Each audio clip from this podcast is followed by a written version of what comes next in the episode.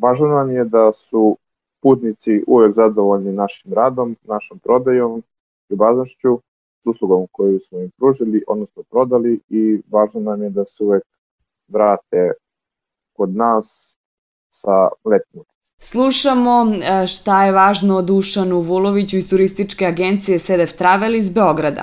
Pričamo sa Vulovićem o turističkim agencijama i aranžmanima koje su platili građani i šta se dešava sa agencijama sada kada je e, pandemija prošla, ali se stanje sa virusom nije potpuno smirilo. Ako znate nekoga kome je ova tema interesantna, podelite mu ovaj podcast. E, možete ga podeliti i na Facebooku, Instagramu, Twitteru ili prosto proslediti link. Za vreme dok je vladala pandemija virusa korona, granice su bile zatvorene, a svim putnicima kojima su otkazani aranžmani, e, ponuđeni su voucheri za zamenska putovanja ili ukoliko se oni ne iskoriste do kraja 2021. godine, povraćaj novca. E, tada je direktor e, Nacionalne asocijacije turističkih agencija Srbije Juta, Aleksandar Seničić, izjavio da je do 15. marta rezervisano ukupno 240.000 turističkih aranžmana. Potom je najavljivano da se, da se otvaraju e, granice, ali ceo sistem nije bio najjasnije objašnjen, pa se na kraju desilo i to da e, su pojedini prelazi u pojedine države otvoreni, a pojedini nisu. to je dovelo i do toga što je aktuelno ovih dana to da su neki putnici ostali da kažemo, zaglavljeni na granici e, iz Bugarske u Grčku. E, za početak Dušane, šta se tačno desilo na tom graničnom prelazu i zašto se to desilo? Grčka je najavila otvaranje granica uh, polovinom juna, tačnije 15. juna. Ponedeljak se desilo to da su naprasno zatvorili, to jest nisu otvorili granice i uh, velike agencije, organizatori su nama javili bukvalno sat vremena pred najavljeni polazak putnika, da se granice nisu otvorile i da su svi polazci u stvari otkazani. Tako smo mi došli u jako nepretnu situaciju da a, zovemo putnike i otkazujemo im najavljeno najavljen polazak bukvalno sat vremena pred put. Tako da ono kako sam ja razumeo, oni su se odlučili za taj korak da ne otvore granice zato što je najavljena velika poseta ne samo rezervisanih aranžmana, nego i mimo toga. Naše ministarstvo nije saopštilo, nije, nije donalo to saopštenje, a kako sam razumeo, e, iz grčkog ministarstva nisu javili naše. Znači, samo su jedno zatvorili granice, to jest nisu ih otvorili, niko ne zna zašto. Oni su najavili, ajmo ako, oni su najavili da će otvoriti granice, što su uradili, ali su nasumično testirali putnike i Znači, nikome nije garantovan prelazak, jer, kažem, nasumično su testirali putnike i oni koji su bili stvari testirani su morali da čekaju rezultate najmanje jedan dan i za to vreme su bili smešteni u tom nekom posebnom hotelskom karantinu da bi, ako bi se pokazalo da imaju simptome, nastavili da budu u tom hotelskom karantinu još narednih 10 dana ili 2 nedelje, nisam siguran. Znači, to je poenta. Zbog toga su svi organizatori otkazali svoje polaske, a onda su na reakciju naše ministarstva, ako sam dobro razumeo, odnosno sutradan otvorili granice za naše i za naše putnike, to jest za putnike države Srbije, a pre toga, znači dan pre toga, to nisu radili, a one su tada bile otvorene za uh, građane Evropske unije. Oni koji su bili tamo, kako da kažem, zaglavljeni su bili dosta uh, um, razočarani, besni, ne znam, onako, to se moglo videti iz medija. Da li su agencije ikako mogli da spreče ovakav scenario? Agencije kao agencije su tu stvarno nemoćne, zato što mi isključivo zavisimo od odluka države i to ne samo naše, nego i svih drugih država gde ljudi žele da idu. Tako da koliko vidim za sada je omogućeno samo da putuju samo onima koji imaju prijavljeni boravak u zemlju koju se vraćaju. Tako da to je, to je ono što sigurno dopuštaju, sve ostalo jako diskutabilno i nikome suštini nije garantovan odlazak, odnosno povratak. E, opet dobijamo sa svih strana neke oprečne informacije da recimo neko je na aerodromu testiran na, na koronu, neko nije, nekome nije merena čak ni temperatura, I tako, prosto, agencije tu stvarno a stvarno, stvarno su nam vezane ruke, barem što se tiče toga. I šta će biti, to ne, niko ne može da nam kaže, unapred, niti mi možemo da kažemo dalje putnicima, mislim, mi svi razumemo da je neko dao novac za to i da želi da ide i sve je to jasno, ali naprosto ljudi moraju nas da razumeju da su nama u, u velikoj meri vezane ruke. Situacija je takva za sve. A e, kako je generalno gledano pandemija e, virusa korona uticala na turističke agencije? Pa kao što ste mogli da vidite u, u, u medijima i, i bukvalno svuda, svuda se priča da je turizam u suštini najpogođenija grana privrede, tako da to nije bez razloga, jer sami zatvaranje granica sve je, sve je stalo i avioprevoz i, i hoteli i sve sve druge ovaj, grane turizma, tako da to se na nas jako odrazilo. Bili smo zatvoreni, mislim, od samog od početka vanrednog stanja smo smo zatvorili agenciju. Ono što smo radili za vreme vanrednog stanja to je da smo samo obaveštavali putnike o daljim zanjima koje smo mi dobijali. E, a to se onda pomeralo, mislim mi smo trebali da počnemo da radimo prvo je bilo najava 4. maj, pa 11. maj, pa sve to dosta onako teglo da bismo eto počeli tek 1. E, juna. Koliko vidim, i sve druge kolege su isto u jako lošoj situaciji, naprosto toliko otkaza hotela i, i zakupa smeštaja i čarter letova prema Grčkoj, Turskoj, Egiptu, gde već stvarno stvarno jako loša situacija, a ono što je još, da kažem, gore je to što ne vidimo kada će se ova situacija stabilizovati, makar što se nas tiče. Tako da je, da kažemo, katastrofa. Baš je nezgodna situacija za sve nas. Koji su gubici kada su u pitanju turističke agencije zbog eh, tih posledica u smislu šta se dešava sa svim tim zakupljenim e, vilama, šta se dešava sa tim čarter letovima, oni jesu otkazani, ali da li agencije mogu da dobiju povraćaj nekih e, sredstava zbog, zbog toga ili... Ja bih mogao da pričam u ime naše agencije i da kažem ono što smo, kako smo mi iskustvo imali, za druge stvarno ne bih, ne bih komentarisao, jer prosto ne znam. Recimo, zatvorena grupa koja je trebala da ode za, za 1. maj u Berlin. Mi smo hotelu isplatili polovinu iznosa, da bi drugu polovinu trebali da damo polovinom aprila, kad je u stvari već uveliko krenula vanredno stanje kod nas i onda smo uz male, da kažemo, probleme uspeli da povratimo taj novac od tog hotela, jer kako su oni rekli, nisu u tom trenutku bili fleksibilni da vrate, da bi mi morali da kontaktiramo i našu ambasadu u Nemačkoj, ne bi li se to realizovalo. Tako da to je recimo taj, da kažemo, jedna na, malo lošija priča, a druga, jedan hotel u Crnoj Gori na kom imamo zakup je odlučio da zatvori hotel na celu sezonu, što je to još jednom pokazuje koliko situacija nezgodna i odlučili su da nam refundiraju sav novac koji smo mi dali u zakup. Druge agencije, da li će i kako povratiti svoj uložen novac, to, to stvarno ne znam, niti mogu da pričam o tome, ali samo znam da je jako, jako, jako nezgodno. Kakve će biti e, posledice za agencije? Ne, stvarno, stvarno ne, mogu, ne mogu da predvidim ništa, ali možemo da pričamo o tome da je turizam, a, da kažemo, makar je postao u poslednjih 10 godina i više je u, u ekspanziji i postoje svima pristupačan, dostupan i ljudi su, ljudi su stvarno navikli da putuju jednom, dva put godišnje, stvarno je to postalo, da kažem, neki globalni trend. A u isto vreme, opet je to, kako da kažem, jedan luksus. Znači, poslednje na što bi ljudi izdvojili novac, mislim, možda ne bi, ali je svakako postoje neki drugi prioriteti gde ako se dobro iskalkuliše budžet koji ljudi raspolažu, nekako putovanje na poslednje mesto.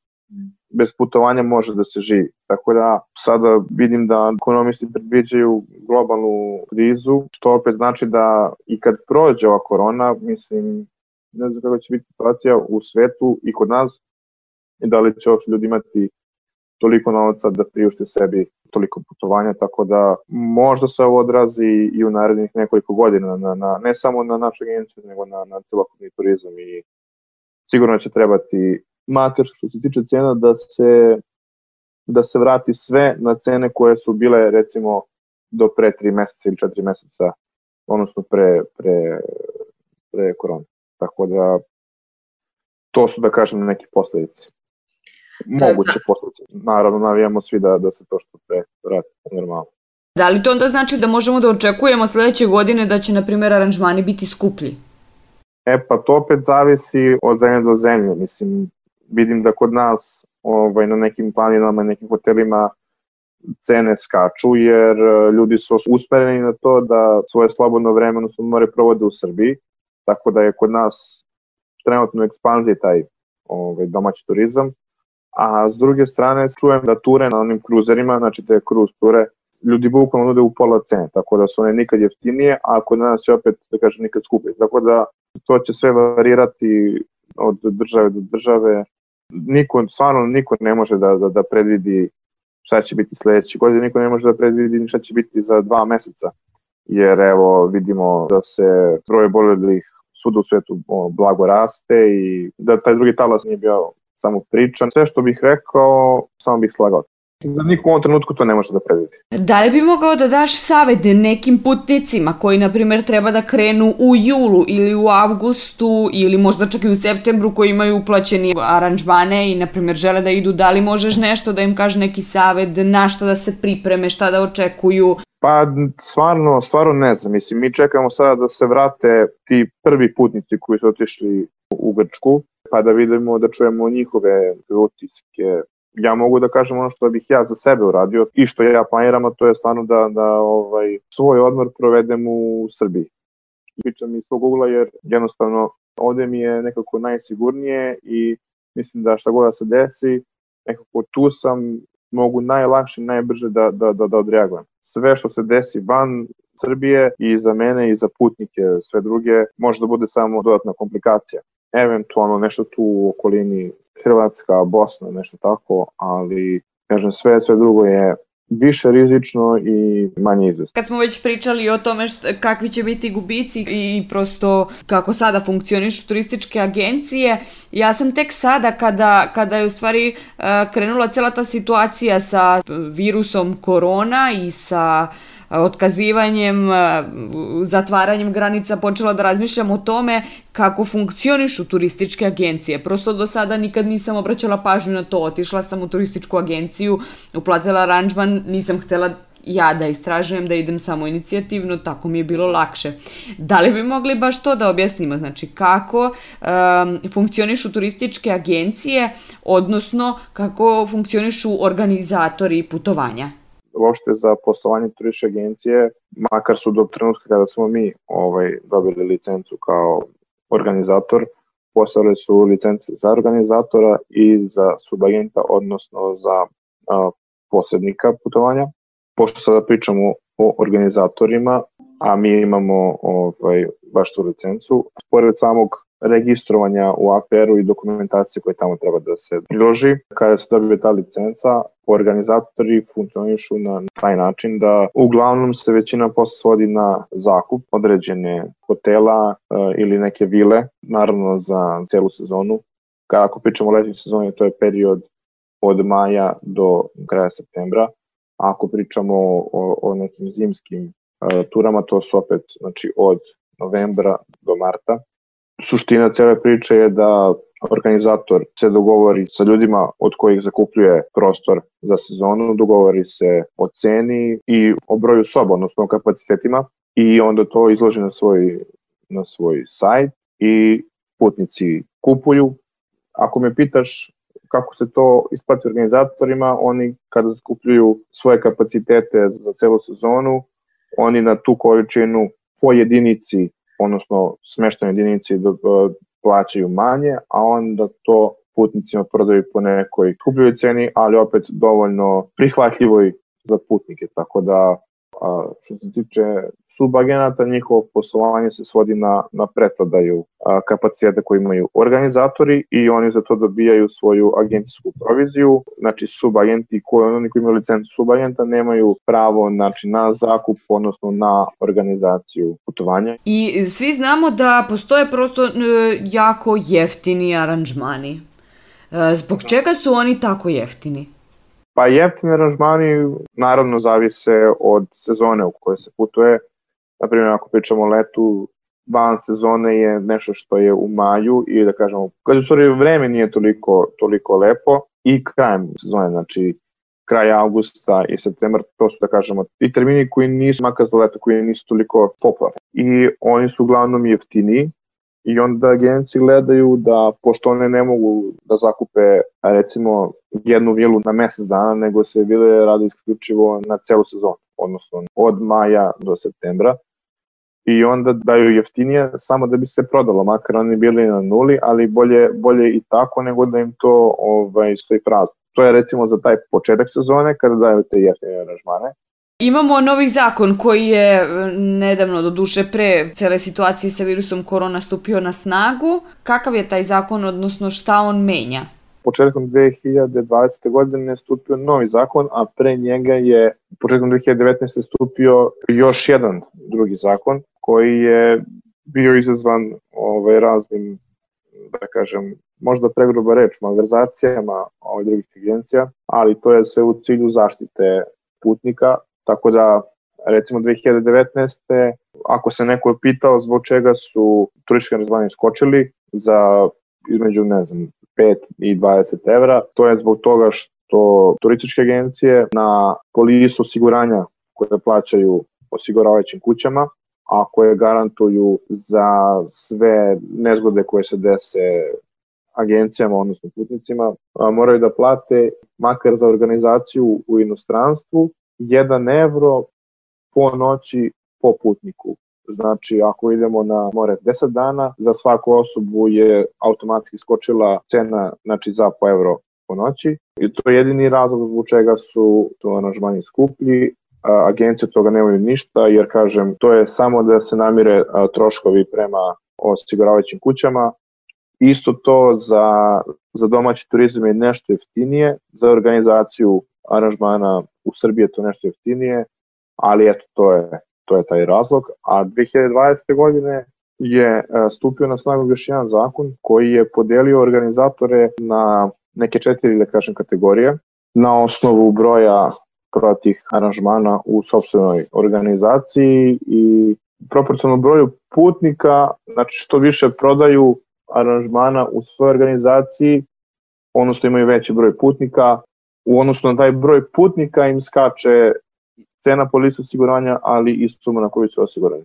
Ali bitno je samo naglasiti znači, da se radi o agencijama koje imaju svoju organizaciju.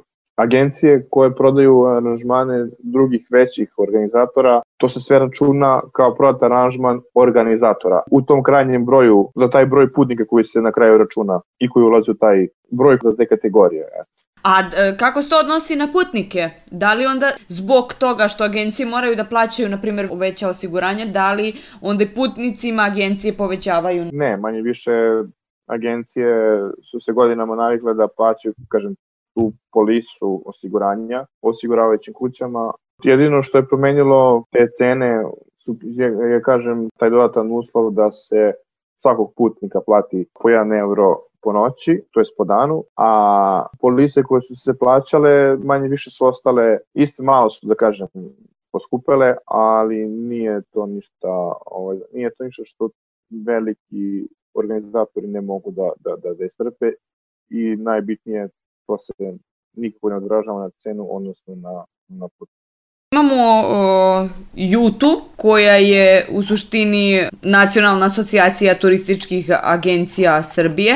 A, da li svaka agencija mora da bude u JUTI?